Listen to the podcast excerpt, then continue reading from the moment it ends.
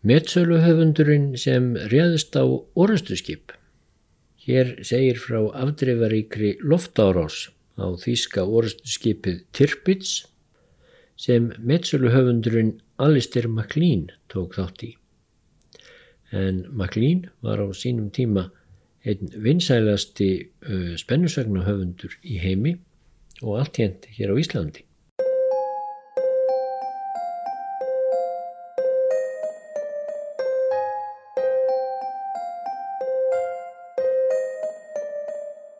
Þegar ég var á aldrinum 11 til 14 ára og hættur að lesa Íslendingasögurnar, þá fór ég að lesa Alistair MacLean. Þá voru komnar út á íslensku eitthvað um 10-12 bækur eftir þennan skoska höfund sem var eins og ég segi áraðanlega meðal vinsælustu spennubókahöfunda heimsins í mörg ár og naut alveg sérstakra vinsælda á Íslandi. Í tíu eða 15 ár voru bækur Alistair MacLeans undantekningarlust meðal þeirra allra söluhæstu í hverju jólabókaflóði. Þær vinsælustu fóru í 10.000 eintökum voru svo endurprentaðar margóft sem fannst að hálgir nýðurlæging fyrir bókaþjóðina margfrægu hvað bækur Alistair MacLeans seldust ótrúlega vel. En fyrir aðdáðundur skotans var alltaf tilhlökunar efni að fá nýja bók eftir hann í hendunar og titlar flestra þeirra gleymast seint.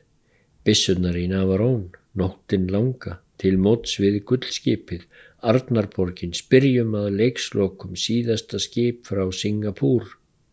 Ég hef ekki þórað að líta í bækur Maklíns síðan ég hætti að lesa þær á unglingsaldri. Það væri náttúrulega frekar vandræðalegt ef ég kemist að því að hafa eitt tíma mínum og smekk í eitthvað algjört rusl, jafnvel þó svo ég hef verið ungur að árum en í rauninni held ég að bækurnar hans hafi verið afskaplega heiðarleir kallareifarar eins og þá týrkuðust. Drifnar áfram af hröðum söguþræði, óvæntum atbörðum, engum málarengingum, nefahöggin glimja og mikið bitið á jakslinn og kallmennskan löður upp um alla veggi. Margar bækur Maklíns gerðust í setni himsturjöldinni og maður kynntist smassjar handvélpissum náið Aðra snýrust svo um atbyrði kaldastriðsins og illskeittir sovjeskir útsendarar gáttu leinst kvarvetna, meira sig upp á miðjum Grænlandsjökli. En hvort sem bækur Maklíns myndu teljast læsilega nú til dags eða ekki, þá fannst mér þá að einn þeirra skæri sér nokkuð frá hinnum og var ekki drifin áfram að forvittni lesenda um hvað myndi gerast næst eða hver væri morðingin því frá því var greint strax á fyrstu blaðsíðunum hvernig hún myndi enda. Og persónusköpunin var alls ekki jafn einföld í sniðum og í öðrum bókum Maklíns. Þarna voru ekki áferð einfaldar hetjur og enn einfaldari skúrkar. Þetta er bara manneskjur sem reyndu af vanmætti að taka stáfið hinnar ferlegustu aðstæður. Ég veit svo sem ekki hvort svo persónusköpun myndi hafa dugað mér á setni árum eftir að hafa kynst ívið meiri reitsnillingum en í þá daga, beint í kjölfærað á Íslendingasögunum, þá fannst mér personur eins og kafteinn Valeri og starr flótafóringi bæði djúpir og magnaðir karakterar. Valeri, starr, en hver er þá bókin? Jú, kannski rumskaði þessi nöfni minni fleiri gamalla lesenda Alistair MacLeans. Hér eru þetta átt við skip hans hátegnar Odyssey bók sem fjallar um áhöfnina og bresku beitiskipi sem fer í sína hinstu för á stríðsárunum setni. Ótiseifur á að fylgja stórri skipalest um Norður Íshafið frá Íslandi til Múrmansk á Kólaskaga fram hjá Noregi sem þá er undir stjórn þjóðverja og í norsku fjörðunum býða þýskir kafbátar, þýskar sprengjuflugvílar og síðast en ekki síst hefur tröllaukna orustu skip Tirpitz. Skipin í skipalestinni flytja skriðdreka, flugvélar og önnur bráðunöðsynlegu hergögn handa sovjetmönnum í baráttu þeirra gegn eh, þýskum nazistum Hitlers. Ef kafbátatnir, flugvélarnar og þó einhverjum tirpits komast í færi við skipalestinna þá verður tjónið ægilegt fyrir stríðsregsturinn gegn þjóðurjum. En áhafninni á beiti skipinu Ótiseifi er ætlað að verja skipalestina verjast Tirpitz og öðrum tólum Hitlers fram í rauðan döðan sem hún og gerir bókstaflega. Ég komst að því löngu eftir ég var hættur að lesa Alistair MacLean að bókin hans um beitiskipið Odyssey var fyrsta skaldsaga hans. Hún er því ventarlega skrifuð á svolítið öðrum kvötum en hinnar setnibækurnar sem hann framleiti eins og færibandi til að eiga fyrir salti í grötin og líka öllum því viskíi sem hann mun hafa drukkið ótæpilega fram á gravarbakkan. Ætli láti ekki nærri að bókina um Valeri Starr og þá félaga um borði í Odyssey hafi Maklín skrifað af einhvers konar innri þörf. Það held ég að sé augljóst reyndar en það kom líka á daginn að hann var hann að lýsa sínu eigin lífi á stríðsárunum. Bókin er byggð á sönnum atbörðum eins og sagt er. Beitiskipið Ótiseifur er sagt í henni samnemdu bók Maklíns vera af dítógerð en það voru 7000 tonnaskip, 156 metrar að lengt þar að segja eins og tveir hallgrímskirkjuturnar og vopnuði ímist 8 eða 10 fallbissum með hlaupít 133 mm. Brettar smíðuðu og brúkuðu 16 svona skip í setni heimstyrjöldinni og 5 þeirra var sögt.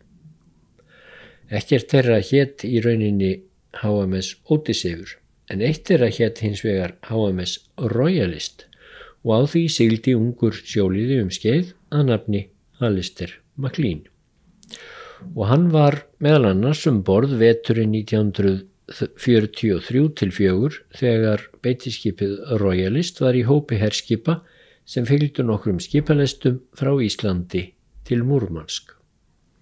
MacLean kynntist í sjálfur þeim aðstæðum sem sjómennir í þessum íshafsiklingum máttu búa við, innum hrikalegu veðrum yfir vetrartíman, kuldanum ísingunni, loftárásum sprengjuflugveila, dundarskeita árásum kafbáta og síðast en ekki síst óttanum við Tirpitz. Tirpitz var 45.000 tonna orustuskip, sýsturskip Bismarcks, sem hafði sögt breska orustubeitiskipinu Hútt, stolti breska flótans, í fimm mínútna orustu djúft út af Reykjanesi í mæi 1941. Þjóðverjar höfðu komið Tirpitz fyrir í Noregi til að freysta þess að stöðva skipalestirnar til Múrmansk með herrgögn handa rúsum og í byrjun júli 1942 bárust fregnir um að Tirpitz hefði lagt úr höfn í Altafyrði, nýst í Noregi og ætlaði að ráðast á skipalestina PQ-17 sem þá var komin langleðina frá Íslandi til Múrmansk. Svo mikill ótti greip um sig meðal breyta við þessar frettir að skipalestin var leist upp með hraði og urðu kaupskipin síðan auðveld bráð fyrir kavbáta og flugvélar þjóðurja en Tirpitz gæt snúið aftur til hafnar án þess að þurfa að beita bissum sínum. Hinn skelvilega reynsla af PQ-17 var til þess að brettar lögðu næstu misserinn allt kapp á að gera Tirpitz skadlausan og voru gerðar stöðuar loftarásir á hann í Noregi og eitt skiptið var með segja beitt dvergkafbátum sem laumuðust inn í fjörðin þar sem Tirpitz lurði. En þessar árásir tókust þó ekki sem skildi og veturinn sem Alistair MacLean sigildi um þessar slóðir milli Íslands og Rúslands með HMS Royalist þá var Tirpitz enn stöðug ógn fyrir skipalestirnar og fylgdarskip þeirra. Og nú fer ég að komast að kjarnamálsins árás sem breskiflottin gerði á Tirpitz í Altafyrði nýrst í Noregi. Þá sigildi öflug breskflotadild langt á norður Ísaf, hvorki meirinni minna en sex flugvilamóðurskip studd rúmlega 20 öðrum herskipum. Og síðan voru í morgunsári 3. april 1944 gerðar loftárásir á Þíska orðstuskipið sem lendist á í þröngum kofyrðinum út af altafyrði. Þessi mikla og djarfa að gerð kallast Operation Tungsten í munni breyta og bresku skipunum var skipt í tvo flokka. Í öðrum flokknum voru fimm flugvélamóðurskip, þrjú beitiskip og síðan tíu tundurspillar.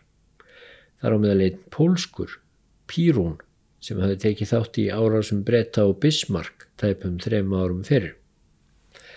Þessum flokki herskipa var stýrt af flotafóringjanum Artur Latouche Bisset og lísti hann því síðar að það hefði verið fögur sjón að sjá flugvilar af flugvilamóðurskipunum hans fimm hefja sig á loft og stefna til árásar gegn rýsandi sól. Árásinnar tókust mjög vel. 120 flugvilar réðust að Tirpitz og margar sprengjur hittu marksitt.